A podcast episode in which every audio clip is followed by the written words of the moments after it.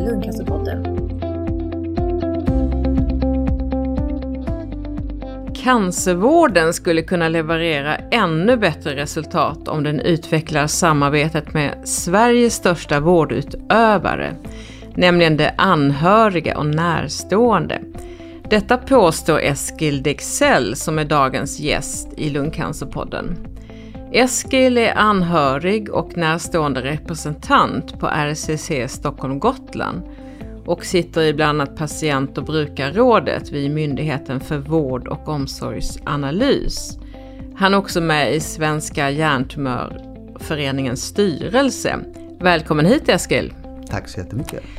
Och för första gången på ett och ett halvt år kan vi sända live. Det känns nästan lite festligt. Skulle haft lite ballonger och lite grejer här men vi sitter i RCCs lokaler som känns jättekul att vi kan vara här. Idag ska vi behandla den oerhört viktiga rollen som anhörig eller närstående till någon cancerpatient. Och Eskil, förutom dina meriter från olika vårdinstanser som jag nyss nämnde så har du också egen erfarenhet som anhörig till din fru med en malign hjärntumör. Vill du berätta lite kort om dig själv och din familjesituation? Det kan jag absolut göra. Alltså jag heter då Eskil och jag fyller nog 46 år. Och, och eh, jag ska väl säga att det är ganska många år sedan, det är ju sju år sedan som vi fick besked att min fru hade en malign hjärntumör. Och sju år går, går fort. Men det hinner också, händer också hända mycket på sju år. Liksom det, vår situation är nu att min fru har sin cancerdiagnos. Det är en hjärntumör så det är inte en diagnos som man blir botad ifrån. Det är en diagnos som vi vet att den här cancern kommer tillbaks och som vården brukar säga att när min fru dör så är det utav sin cancerdiagnos. Vi vet inte, självfallet inte när, men, men... Men är hon opererad? Hon är opererad, hon har cellgifter och strålbehandling. Men som med många med hjärntumörer så får ju de här behandlingarna många effekter. Det är ändå strålbehandling på hjärnan och cellgifter och så vidare. Så att, som min fru idag, hon, hon är fulltidssjukskriven. Hon har inte kunnat börja komma tillbaka till arbetet sedan dess. Hon, eh, vi har kommunal hjälp med boendestöd hemma som är som ett mellanting mellan personlig assistent och hemtjänst som är väldigt viktigt för min fru. Hon har ju av den här sjukdomen eller cancern eh, är svårt att till exempel genomföra saker så då hjälper boendestödet henne med det. Hon har lite kognitiva, eller kognitiva nedsättningar. Så att säga. Går hon på någon behandling just nu? Nej, hon går, alltså, nej, det är inte någon medicinsk behandling. Och det är egentligen så att det finns liksom inte så mycket mer medicinska behandlingar vi kan göra. Liksom. Det skulle tumören komma tillbaka, så de kan väl absolut prova att operera, men det finns liksom inget som säger att det kommer förbättra någonting egentligen. Liksom. De kan kanske ge lite mer cellgifter, men inte, eller även där vet man inte så mycket. Hjärntumör är lite en cancerdiagnos där man kanske liksom inte har kommit lika långt som exempelvis i lungcancer. Det finns liksom inte andra, tredje, femte eller sjätte linjens behandling. Det finns lite liksom godtyckliga saker vi kan göra. Men ni har ett barn? Vi har också ett barn. Eh, en, en, en effekt utav att man tog bort hjärntumören, och vi var lite otydliga, men min fru hade liksom ingen ägglossning, så när man tog bort tumören och vi tror till viss del delar av viss medicinering, epilepsimedicin, min fru har epilepsi, så, så gjorde att hon kunde få ägglossning. Så att det, när hon hade en bit in i sjukdomen så upptäckte vi att hon var gravid i vecka 26. Liksom. Eh, och det har ju påverkat massor såklart, alltså vår situation av att leva med någon som är, har en sjukdom men också vara förälder till nu Melker som är fem år. Liksom. Mm. Det är ju, ja det vet ju alla som, som är föräldrar att, att det är också en stor omställning. Mm. Så att, och sen är det då jag då som, i och med att min fru inte jobbar, så jobbar jag och hämtar Lennart på förskolan och sköter familjen. Och eh, mycket nu är ju också att jag även hjälper min fru väldigt mycket med att hantera vården. Liksom. Mm. Ja, vi kommer komma in lite mer på eh, din familj och eh, dig som anhörig. Men vad är egentligen skillnaden enligt dig på begreppen anhörig eller närstående? Man använder ju bägge begreppen. Ja, och det tror jag är, är egentligen av godo för att jag brukar tänka så att eh, liksom, kärt barn har många namn. Liksom. Och jag vet att du pratar om ett nationellt kompetenscentrum för anhöriga, de är väldigt noga med att vi ska kalla det för anhöriga. Men jag tror liksom vi som lever i det ibland och vi som ser verkligheten så har jag också tänkt att anhöriga blir så lätt kopplat till att då tänker man familj. Mm. Då tänker man de mamma, pappa, pappa, syskon och så vidare. Medan det jag ser och jag tror också att varför närstående begreppet har växt så tydligt det är att det är inte alltid som det är familjen som ställer upp. Nej. Det är ju vänner och kompisar och arbetsgivare. Och, så jag tycker liksom att närstående har lite kanske hjälpt till att, försöka förstå begreppet att det är mycket bredare än familj. Bara för att man har en familj så behöver det långt ifrån inte betyda att man hjälper till, liksom, eller kan hjälpa till.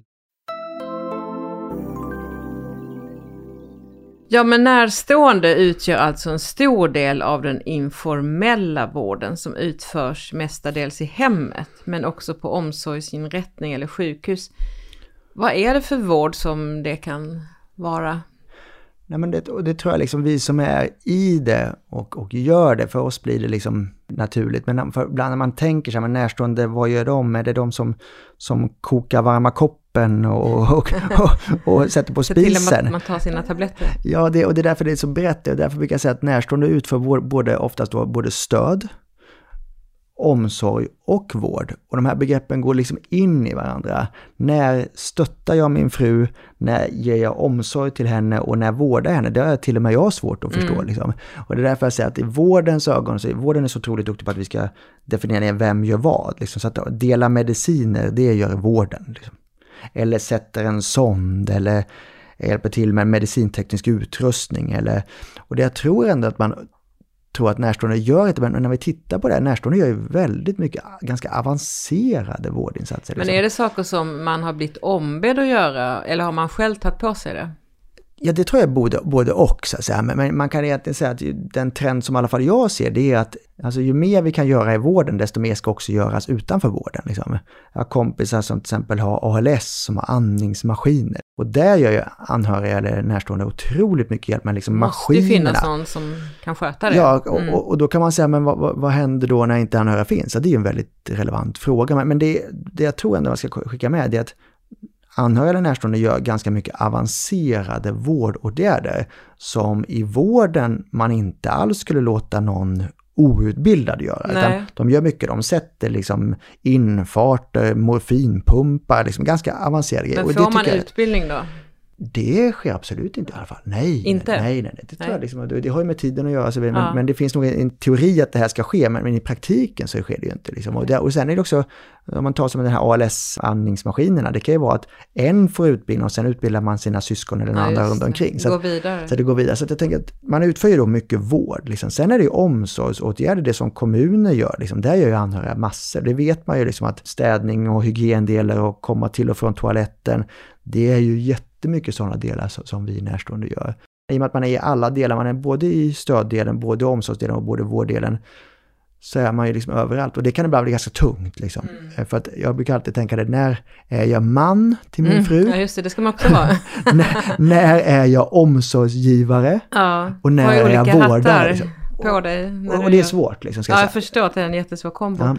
Men om vi går tillbaks till det här med att eh, vara närstående. Hur tycker du vården bör samarbeta med de närstående för att uppnå bättre resultat, som jag sa i inledningen? Ett så måste sjukvården förstå att liksom, de här är en de i samhället som utför mest stöd, vård och omsorg. Den informella vården, familjerna. Och, och det är väl väldigt tur att det är så i samhället. Tänk, tänk, om det inte var så att Nej. det var liksom sjukhusen eller sådana samhällen vill vi inte ha. Liksom. Jag tror det var någon gång som någon sa så här, men det var någon försvarsminister som sa att utan, vi kan försvara Sverige i en vecka. Liksom.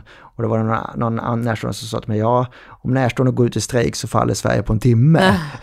så att, jag tror att man ja. liksom, jag tror att vården bör liksom inte bara inse att, att bör samarbeta, jag tror att vården måste börja samarbeta med de här.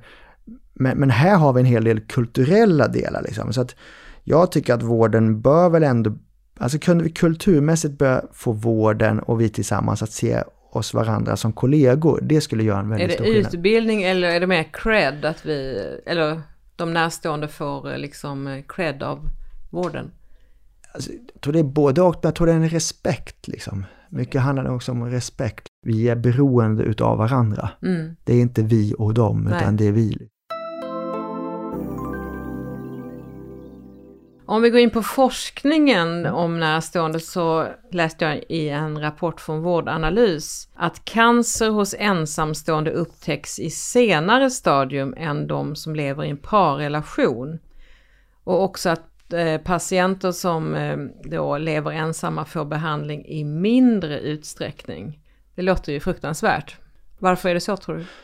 Ja, och jag tycker det är jättebra att du, du tar upp det, för att jag tror ibland så här, vad gör närstående? Det är liksom en, en sån här fråga liksom. Och då tror man, men vänta lite, att vad händer i de situationer där närstående inte finns? Liksom? För då, vet, då kan man ju tänka, okej, om, om de inte finns, då förstår vi vad de gör, tänker jag. Liksom. Och det är därför jag tycker det var så bra att du tog det här med att det finns alltså ganska väl dokumenterat att om man är ensamstående så upptäcker man cancer mycket senare. Mm.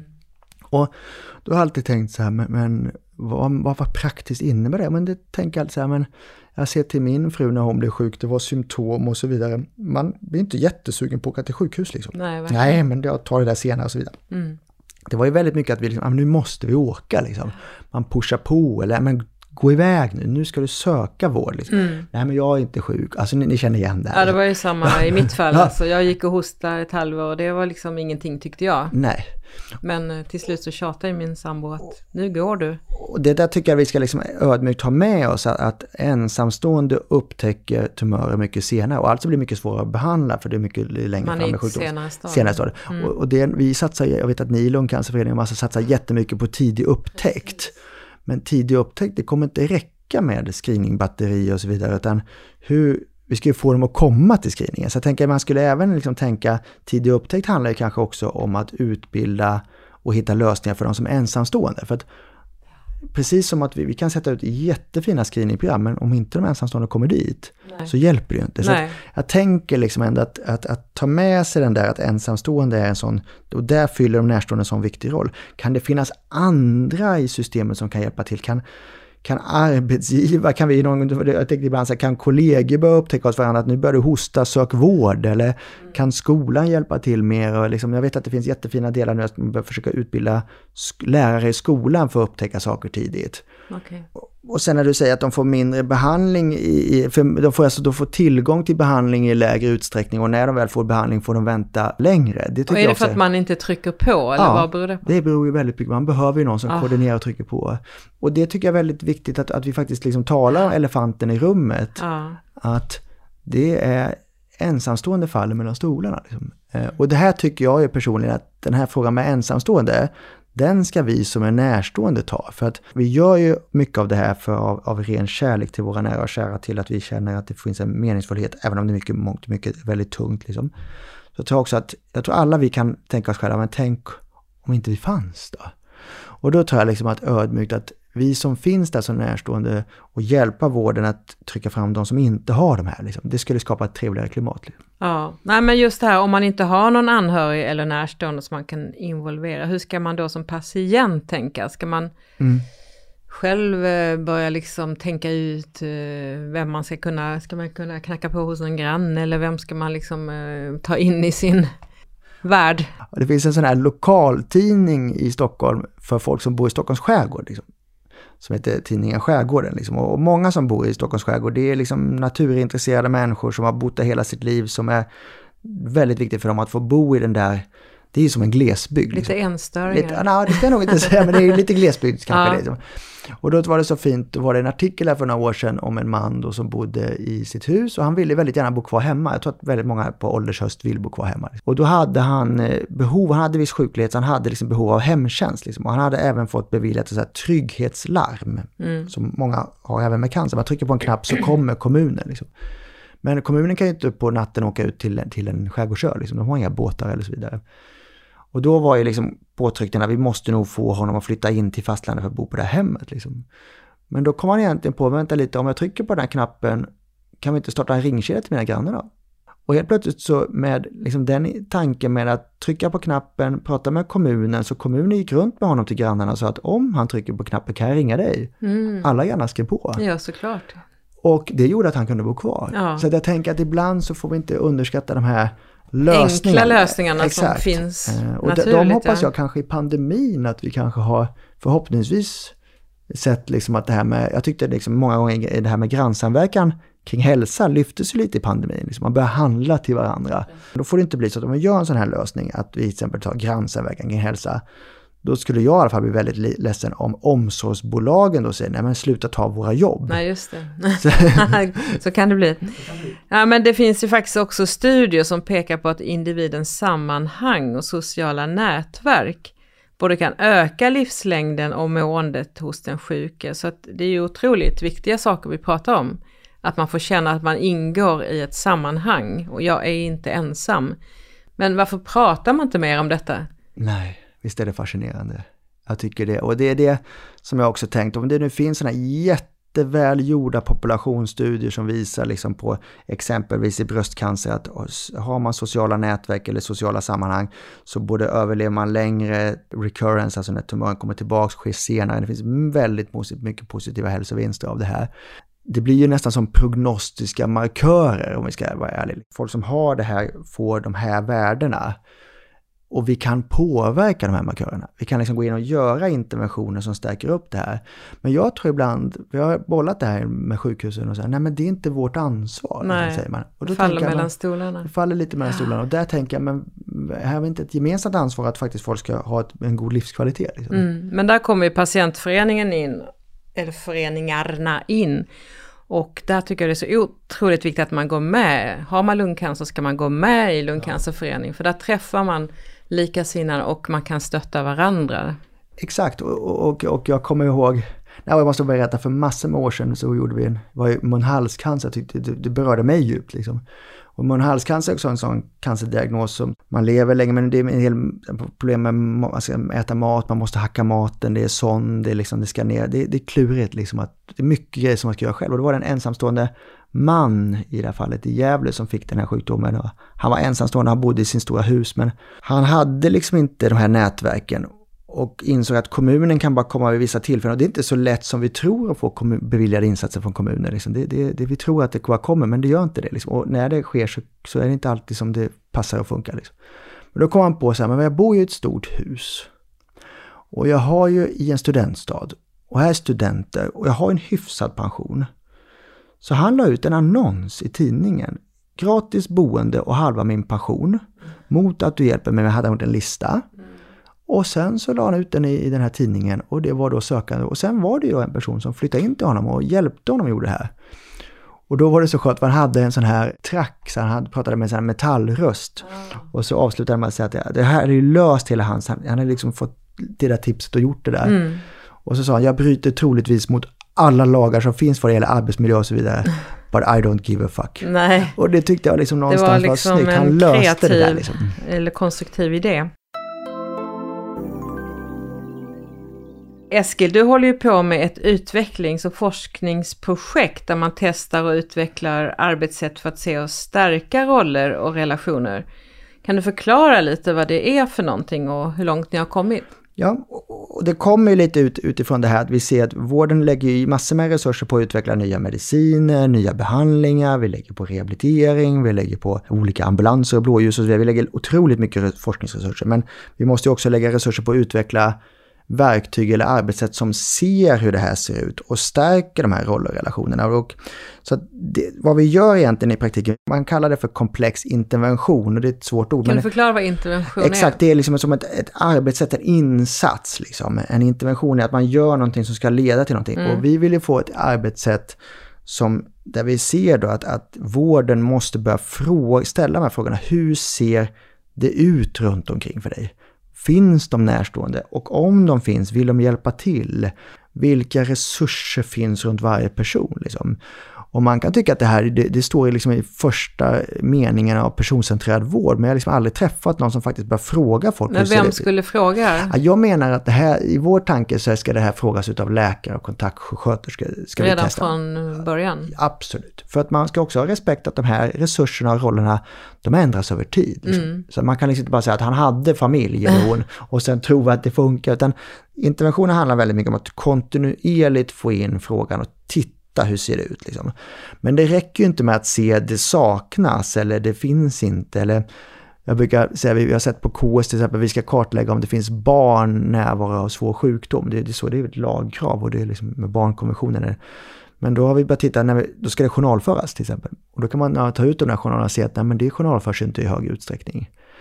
Och då när man säger varför journalför ni den? För vi vet ju inte vad vi ska göra om vi vet att Nej. det alltså, Jag tror att mycket handlar om att, att, att liksom, det räcker inte med att bara se, att, och jag tror alla i vården vet om det här, att det finns ensamstående, det finns familjerelationer eller strul. Liksom. Men om vi bara ser det, okej, nästa fråga är hur stärker vi det här? Liksom? Och då är vår tanke i den här interventionen, det är att hur stärker man en relation? Jo, den stärker man ju genom att man börjar lösa problem tillsammans. Gång på gång på gång. Och då är tanken att titta hur det ser ut i nätverken, men börja fråga både patient och närstående. Vilka utmaningar har ni? Och börja lösa dem tillsammans. Och det här är lite fascinerande för då kan man säga, men ska vården hjälpa till att lösa mellanmänskliga relationer? Mm. Ska vården hjälpa till och Ska man få någon terapeut då, eller hur ska Ja, man lite, lösa det? jag förstår liksom inte hur man tänker så. Då tänker Mm. vi så här, nej men det handlar inte om att vården ska, utan vården har ju en hög kredibilitet och vården mår ju också bra av att stärka relationerna med sina patienter. Så det vi menar är att börja fråga om utmaningarna, men ställ också följdfrågan, och vad gör du för att lösa det här? Just det, så man lägger det på Ja, individen. Jag börjar nyfiket samla in, hur gör vi det här? Liksom? Mm. För det, vi har börjat lite att testa det här i liten skala nu i den här, vi pilottestar lite av den här interventionen. Den ska ju testas i hjärntumör, huvud, hals och barncancer då. Och då märker vi det att många patienter och närstående löser ju livet i närvaro och sjukdom på ganska fina sätt. Ganska annorlunda sätt. Och då kan man börja, precis som du säger, man går med i Lungcancerföreningen men systematiskt börja samla in det så att vården även kan sprida de här tipsen. Och det vi märker nu när vården börjar fråga problemen, fråga hur de har löst dem, så lär sig ju helt plötsligt vården en massa. Och helt plötsligt i nästa vårdmöte, när det här problemet kommer, jo jag hörde en patient eller närstående, så blir ju de kungar i vårdmötet. För de har ju byggt upp en erfarenhet hur andra har gjort. Liksom. Så i, där ser vi liksom att interventionen handlar väldigt mycket om att försöka en, att i vårdmötet även inkludera frågor kring hur ser det ut, men också de här lösningarna. Och då säger alltid vården så här, vi har inte tid, vi har inte tid, vi har inte tid. Och då Nej, säger vi, men, men, ja, men låt oss använda tiden mellan vårdmötena då. Så en del i den här interventionen, det är precis som du säger där, att låt oss använda kraften av den här erfarenheten som patienten närstående och det, i vårt fall också, eller vi tittar på efterlevande har lärt sig. Så en väldigt stor del utav den här interventionen, det är att vi börjar också utveckla systematiska metoder för hur vi samlar in levd erfarenhet, loopar tillbaks den till nästa generation eller nästa, så att vi börjar lära av varandra. Men hur långt har ni kommit i det här? Är det någonting som har satts igång? Eller? Vi har kommit så långt och och det är när man utvecklar sådana här interventioner så finns det ganska fina ramverk. Hur gör man det här liksom? För att vi kan ju göra den här interventionen och vi kan ju få hjärntumörflödet och, och säkert huvudhals nu också och barn och ändra arbetssättet. Men då blir det nästan lite bara för oss. Så det som är väldigt viktigt är att vi följer det här ramverket från Medical Research Council och sen så gör vi en utveckling, vi beskriver interventionen enligt alla vetenskapliga metoder. Så att lungcancer, om ni sen skulle vara sugna på att vi vill också göra det här, då ska det vara väldigt tydligt beskrivet, vad är det här? Hur gör ni? Och sen pilot, så vi är precis innan att vi börjar beskriva interventionen, vi har utvecklat den och börjat systematiskt beskriva den. Sen pilottestar vi interventionen. Och vad händer då när vi börjar jobba så här? Vi ser resurserna och börjar lösa problemen ihop. Så kommer vi tillsammans att skapa mer förtroende för varandra. Det är liksom en trust, att vi någonstans börjar skapa bättre relationer mellan vård, närstående och patient. Det är så här win-win Ja, situation. för den trusten i sin tur, den har troligtvis, är vår hypotes, när vi sen gör piloten och vi ser, kan vi nå trust? Då kan vi sen börja göra en stor prövning med de som går in i det här och arbetssättet och de som inte går in, någon form av RCT. Liksom. Och då skulle vi kunna se att om man jobbar på det här sättet, så vi tror till exempel att om man jobbar på det här sättet så kan vi se, vi tror till och med att man kan se vissa överlevnadsvinster. Vårdutnyttjande, men också när åker man in i vården? Vården är ganska fragmenterad idag. Det här arbetssättet skulle kunna integrera den bättre. Och sen ser vi att vi även faktiskt skulle nå bättre eh, resultat för de som jobbar i vården. För jag har alltid tänkt så att de som jobbar i vården är väldigt viktiga för oss, men får de tiden, och, om, om vården känner att de är med och löser våra problem, då tror jag det blir roligare att jobba i vården. Vi ska gå vidare lite på den närståendes roll, för idag är vården mer patient och personcentrerad än vad den har varit tidigare och man utgår från patientens behov. Mm. Men vad tycker du behöver göras för att stärka de närståendes relationer? Har du varit inne på det här? Finns det något ytterligare du kan säga? Eller? Nej, men, och här tror jag Sverige, här har vi faktiskt en utmaning, en, en kulturell kontext som är en utmanande del i Sverige. Och det har att göra med att när vi pratar, i många andra länder så pratar man integrerad personcentrerad vård. Vi talar i Sverige om personcentrerad vård. Och mycket tyvärr utav det personcentrerade handlar om relationen mellan vård och patient. Mm. Vi i Sverige, vi är ett, ett väldigt land individualistiskt tankesätt. Mm. Vi är ju på, på de här värderingsskalorna så ligger vi i ytterlighetskanterna där. Jag tror att om vi ska nå bra resultat så måste vi lite motgå den och faktiskt börja jobba ihop. Liksom. Lite, eh, vidga lite. Vidga lite. Och det är därför jag säger att vi skulle liksom behöva stärka, för patientens egen skull så måste vi stärka samarbetet med en triad och inte en diad som jag menar mellan vård och patient. Sen är det svårt för man talar alltid om patientens självbestämmande, autoimmunitet. Mm. Liksom. Och, och, jag förstår ibland att det finns liksom absolut problem med det när vi involverar de närstående. Och jag träffar själv närstående som säger åh vad jag längtar till den dagen när min, dagen när min respektive går bort. Liksom, man är helt slut. Så det finns absolut problem i att tänka triad. Men låt oss ta i de problemen. Då, liksom. mm. Tycker du att vården inte värderar de närståendes betydelse tillräckligt? Lite tror jag att man, man förstår någonstans det där. Liksom. Det, det är väldigt mycket duktigt folk som arbetar inom hälso och sjukvården och omsorgen. Men jag tror att det här blir svårt, det här blir krångligt. Jag, jag, jag märkte nu i pandemin, kunde jag liksom tydligt se när, liksom, när vi stängde ute de närstående från sjukvården, så kunde jag mötas av personer i vården som sa Åh, vad det är skönt att de inte är här. Liksom. Det kunde jag mötas. Men sen lite längre in i pandemin, då började jag få, ah, men du, jag börjar sakna de här. Jag vet ju inte vem det är som ligger här sövd. Jag vet ju inte vad som är viktigt för dem. Liksom. Så jag tror liksom, och man ser ju tendenser, liksom, och det här är liksom alltid två sidor av ett mynt. Liksom. Men vi ser nu till exempel, det har varit på akutmottagningarna i, i Växjö såg jag nu att nu låter man bara en närstående komma in för det har varit liksom stök och våld och man tycker att det blir mycket lugnare arbetsklimat.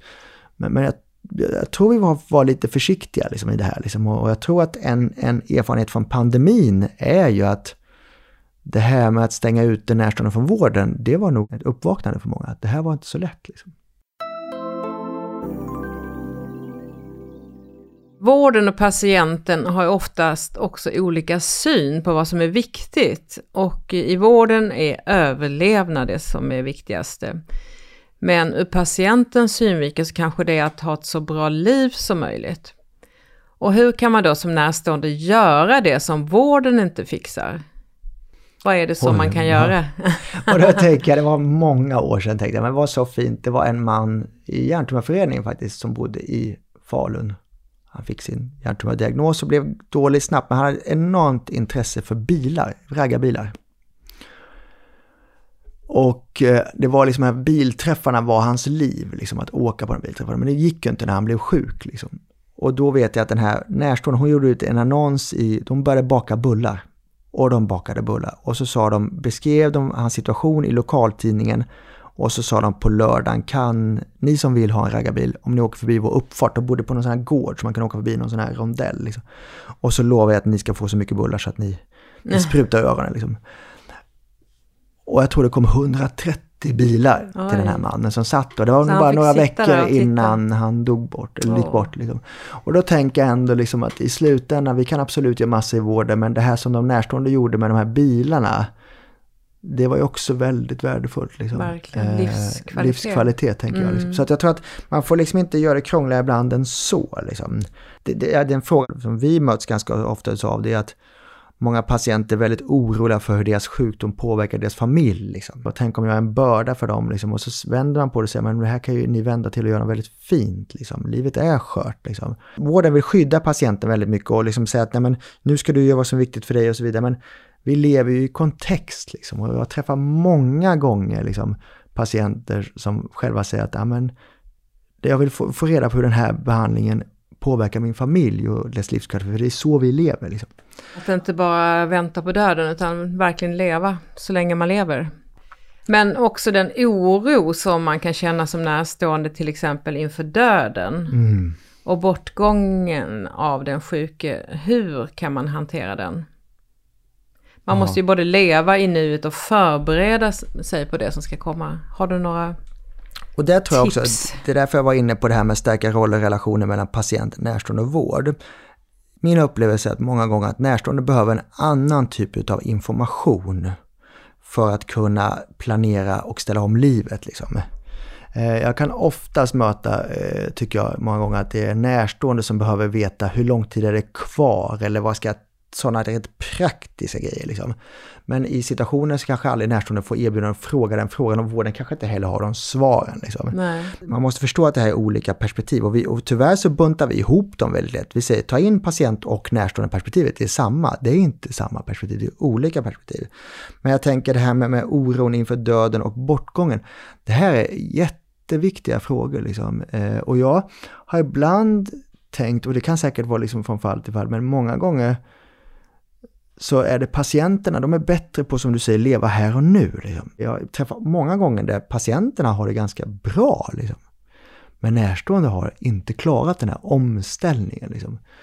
Och jag har många gånger ofta träffat patienter som säger att det är lättare för mig som försvinner, det är nog svårare för de som lever kvar. Liksom. Ja, och det är också så att det finns forskning som säger att anhöriga har till och med större stresspåslag, alltså post traumatisk stress än patienter. Mm.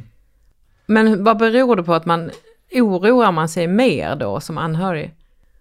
Där kan man ju gräva i, liksom, i de här liksom, forskningsresultaten men, men jag skulle säga spontant utan att liksom ha, ha gjort det så ska jag säga att ett så är det att oftast när, man, när någon blir sjuk så måste man ställa om livet. Liksom. Och jag brukar alltid tänka det liksom, att om man är, lever i en familjerelation eller närstående eller någonting eller mamma eller pappa blir sjuk eller så, så kanske det är att man har fördelat upp fördelningen. Ja, men mannen tar hand om ekonomin och frun tar hand om bi bilen. Så okay. Och så blir mannen sjuk och klarar inte att ta hand om ekonomin. Och då läggs det över på frun. Liksom.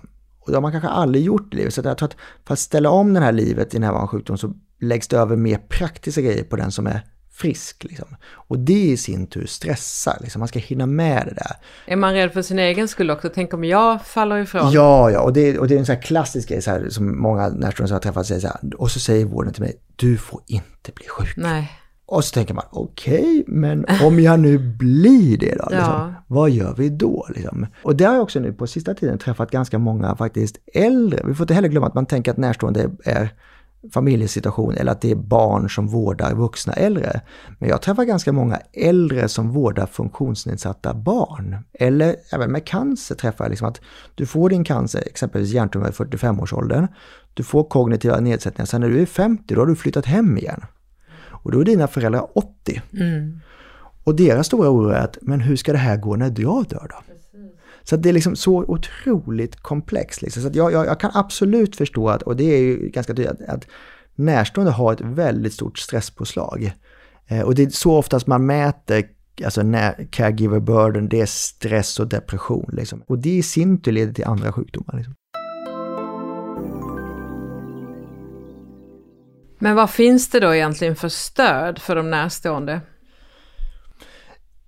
Alltså här, här är det olika och det är därför jag menar att det här är så pass komplext. För att många gånger så är det, det är kommunernas ansvar att till exempel tillhandahålla anhörigstöd. Det är inte sjukvårdens uppdrag. Så här kommer den kommunala delen in och det är bara att titta liksom i Stockholm. Vi är 27 kommuner och stadsdelar. Liksom. Det här gör man på helt olika sätt. Liksom. Lidingö gör på ett sätt eh, mot vad Kungsholmen gör. Liksom. Nu pratar vi hela Sverige. Nu pratar vi hela Sverige. Så det här är, liksom, det är jättesvårt. Liksom. Så jag tänker, liksom, vilket stöd finns det och vilket stöd behöver man? Det är liksom 10 000 kronors frågan. Det är otroligt brett. Det kan vara allt från ekonomiskt stöd till psykosocialt stöd. Det är individuellt.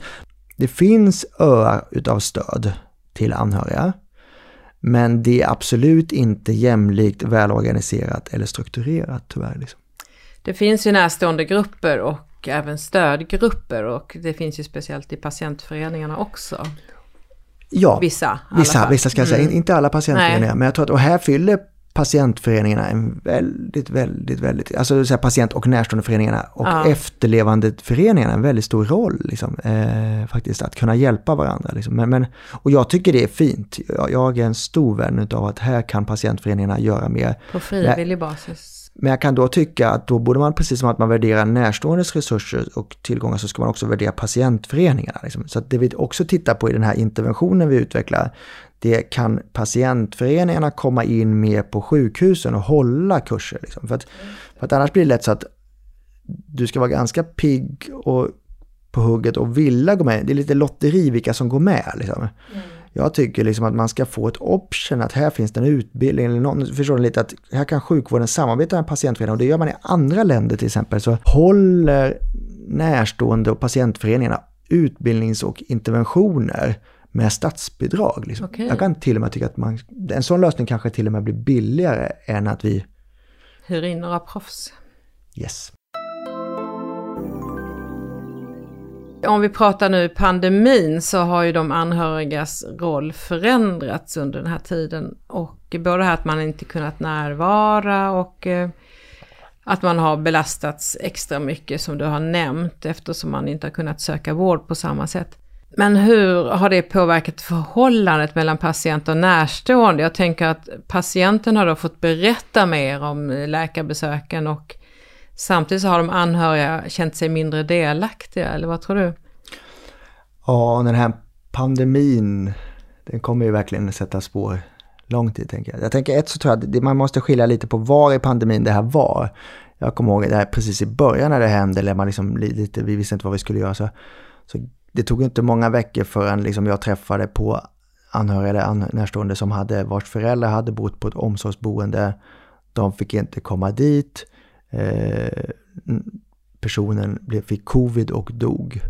Så vi ska också komma ihåg att under den här pandemin så, framförallt i början var det väldigt många som, som dog ensamma. Liksom. Mm, fruktansvärt. Alltså det, det, är fruktansvärt. Alltså det, Vilket det, dåligt samvete man får. Ja, och det här liksom, att inte få säga hej då till mm. någon i livets slutskede. Det här mm. märker jag fortfarande när jag pratar med de här, det här sitter ju väldigt kvar. Det kommer att sitta kvar i deras liv Absolut. länge. Liksom. Eh, så att det, det, den påverkan, men sen tror jag liksom att det är dialogen när anhöriga stängs ute från vården, man får som du säger inte vara med på vårdmöten, man kanske inte får information. Många har kanske kognitiva nedsättningar, man kanske inte förstått vad som har sagts. Alltså det här är massor med problem där. Men en annan del som jag också tror, liksom, det är det här liksom att, som man glömmer bort, så att många av de här närstående utför väldigt mycket vård i hemmet. Pandemin ledde ju också till att kommunerna, man kanske inte vågade ta in hemtjänsten. Nej, Förstår ni? Man kanske sa så att, nej men du jag gör nog det här själv för de kan, ja. ju, de kan ju ha eh, covid. Och det kom ju nästan en lite skrämselgrej att ja, men det, kommunerna, omsorgen klarar inte av det här, kommunerna man kanske inte hade, all skyddsutrustning gick ju nästan till sjukhusen. Liksom. Så jag tror liksom, vi får inte glömma att det här påverkar liksom många som jag träffade som sa, nej men jag vågar inte ta in hjälp hemma.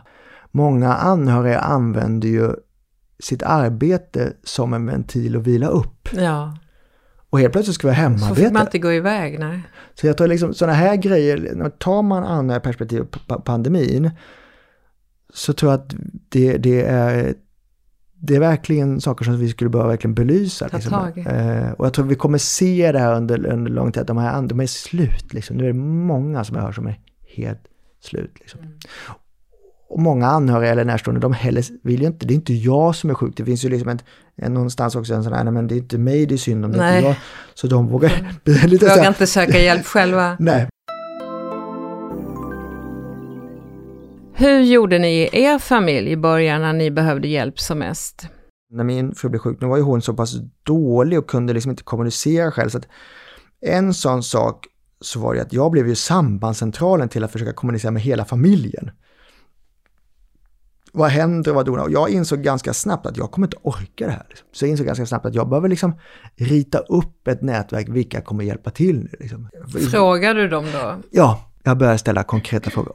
Kan du hjälpa till? Liksom. Eh, och då var det så här, liksom, det var inte att hjälp om att åka med till sjukhusen, utan det var hjälp om att lösa den här praktiska omställningen. Liksom. En stor del i den praktiska omställningen var ju att börja, börja rita upp, ett, precis som man säger, det här, vilka resurser har jag som kan hjälpa till? Liksom. Och, och, och det var det för din egen skull? Ja, för, för den här visualiseringen. Mm. Liksom. Mm. Och det som också slog mig ganska snabbt, de som man trodde skulle hjälpa till, de ville ju inte hjälpa till alltid. Liksom. Och sen kom det ju nya. Så jag förstod ganska snabbt att det här gäller att hålla den här ajour. Liksom. Vad som var väldigt viktigt det var att försöka förstå att det här, jag, jag, det här kommer jag inte klara själv. Och det för mig och det var väl... insåg du ganska snabbt? Ja, men, men, men jag, kommer, jag, jag kan fortfarande, men kom igen nu, du är stark liksom. Men jag ganska snabbt insåg att det här, det här, kommer, det här går inte, jag kommer Nej. inte klara det själv. Liksom. Eh, så att, liksom, och jag förstår också ganska snabbt att i början var det jättemånga som ville hjälpa till, men ganska snabbt försvinner det. Liksom. Om man bara ringer sina kompisar och behöver hjälp, till sist så så börjar även kompisarna tröttna. Liksom. Ja, Så jag tror att en sak som var väldigt då blir man viktig- inte hembjuden. Nej. Så en stor väldigt viktig del för mig var ju också att börja ringa och fråga dem vad de behövde hjälp med. Då fick de...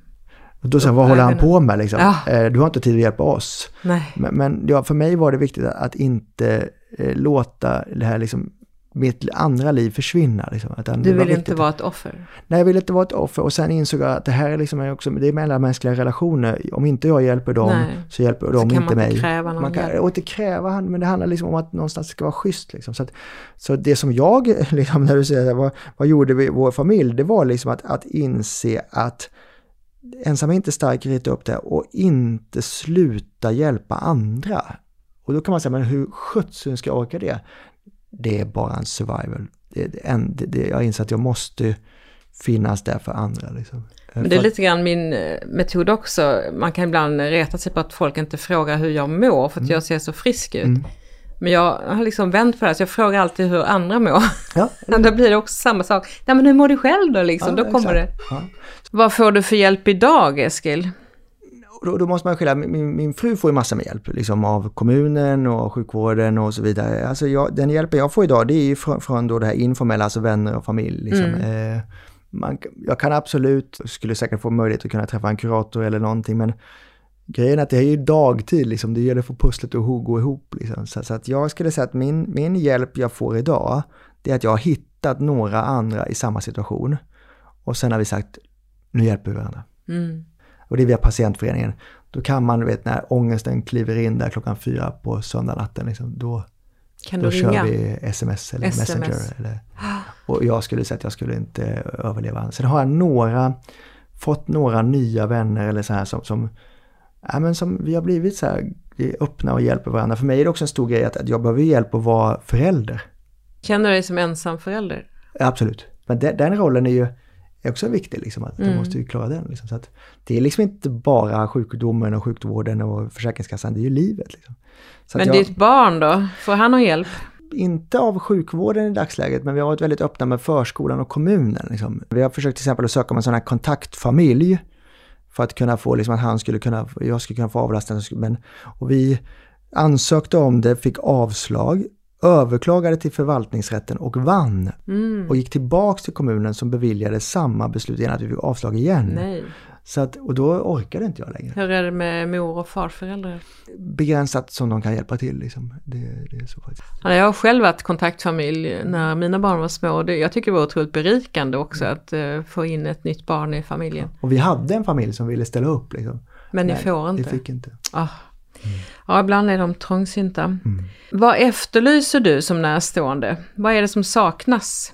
Nej men jag tror det saknas den här insikten av att vi är, vi, vi är i samma båt tillsammans, låt oss hjälpas åt liksom. Jag tror alla håller med om det, men alla säger hur gör vi nu då? Liksom, det, Precis, huret, metoden. Metoden saknas. Liksom. Ja. Hur tycker du man ska behandla barn till sjuka föräldrar? Alltså jag tror, jag tror det en jätte, jätteviktig fråga. Liksom. Det kommer satsningar nu på, på barn som närstående och så vidare. Och, och barnkonventionen har ju hjälpt till att det blev en lag. Men, men återigen, så det här är metoder vi behöver utveckla. Vi behöver se det här. Och ett barn, är, är, är, unga barn är ett sätt, tonåringar är en annan del. Liksom. Det finns en organisation som heter Randiga huset som är för barn som lever nära en svårt sjuk förälder eller barn som har förlorat ett syskon. Eller, jag tror liksom ibland att den här ideella, alltså den här informella delen, de ligger liksom i framkant och gör grejer. Men nu märker jag att när vi skickar folk dit så börjar det gå fullt. Liksom. Så jag tror, jag tror att här skulle vi liksom, det finns ett stort behov av att göra det här grejer. Faktiskt. Ja, vi gjorde ju ett avsnitt om det här i podden också som finns och eh, det finns ju flera sådana här sajter man kan gå in på om man är ung och har någon förälder med cancer. Bland annat Nära Cancer eller naracancer.se där man kan få stöd och hjälp både fysiskt men också via nätet. Mm.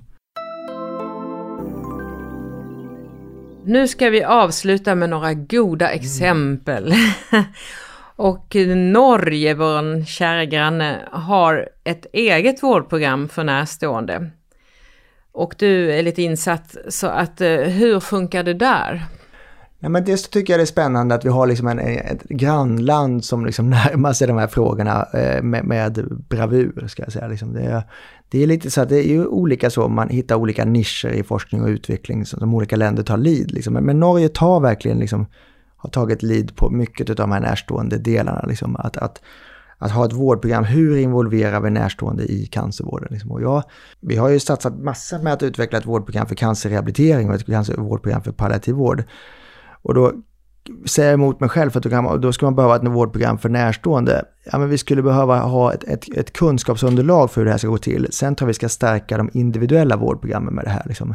För det här liksom, det, det, är orimligt att vården ska hinna läsa på i alla vårdprogram. Liksom. Men jag skulle gärna se att vi med det arbetet vi gör och andra, att vi snart bör ha en så pass stor kunskapsbas att vi behöver en en infrastruktur som ser det här som... Men handlar det om att det behövs resurser, det behövs personal, det behövs Nej, men det handlar lite om hur man ser på, på vårdprogram. Liksom. Men, men jag tror att eh, vårdprogrammen är ett, ett kunskapsunderlag för att hur man ska jobba med det här. Och, och jag kan tycka att de principerna som kunskapsstyrningen har skulle må bra av att få in till exempel ett vårdprogram för närstående. Liksom, som, som sen självfallet ska integreras i alla andra individuella vårdprogram. Det, mm. Jag tror att vården behöver, liksom, precis som du säger, de behöver se, de ser det, men de behöver metoderna, hur gör vi då? Och interventionerna, vad kan vi hjälpa till? Behöver höja statusen. Ja, höja den delen. Så då tror jag det skulle liksom, det skulle tänk vilken kraft det skulle få. Sen tror jag också att man ska inte underskatta att vi, vi cancervården är duktiga på att säga att vi ska lösa allt själva. Titta titta liksom på demensvården, hur de har utvecklat lösningar för närstående eller geriatriken. Men där har man ju varit tvungen. Man har varit tvungen. Mm. Och så att jag tror liksom ödmjukt liksom säga att vi inte är bäst i klassen vi här. Vi kan inte allt. Nej. Och det tycker jag Norge har börjat liksom, de titta, våga titta liksom. Mm. Stort tack Eskil för att du har delat med dig både av dina egna erfarenheter som närstående och av ditt arbete som närstående representant på RCC. Stort tack!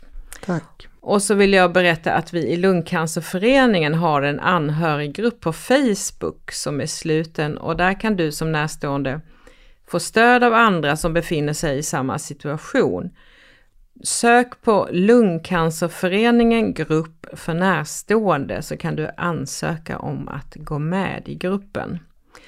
Och du får också jättegärna kommentera avsnittet på www.lungcancerpodden.se. Och har du även tips på nya avsnitt så kan du mejla mig på fransenmedz@fartreklam.se. Och tack till Taylor för dagens inspelning. På återhörande. Hej då Eskil! Hej då! Tack för Hej då allihopa!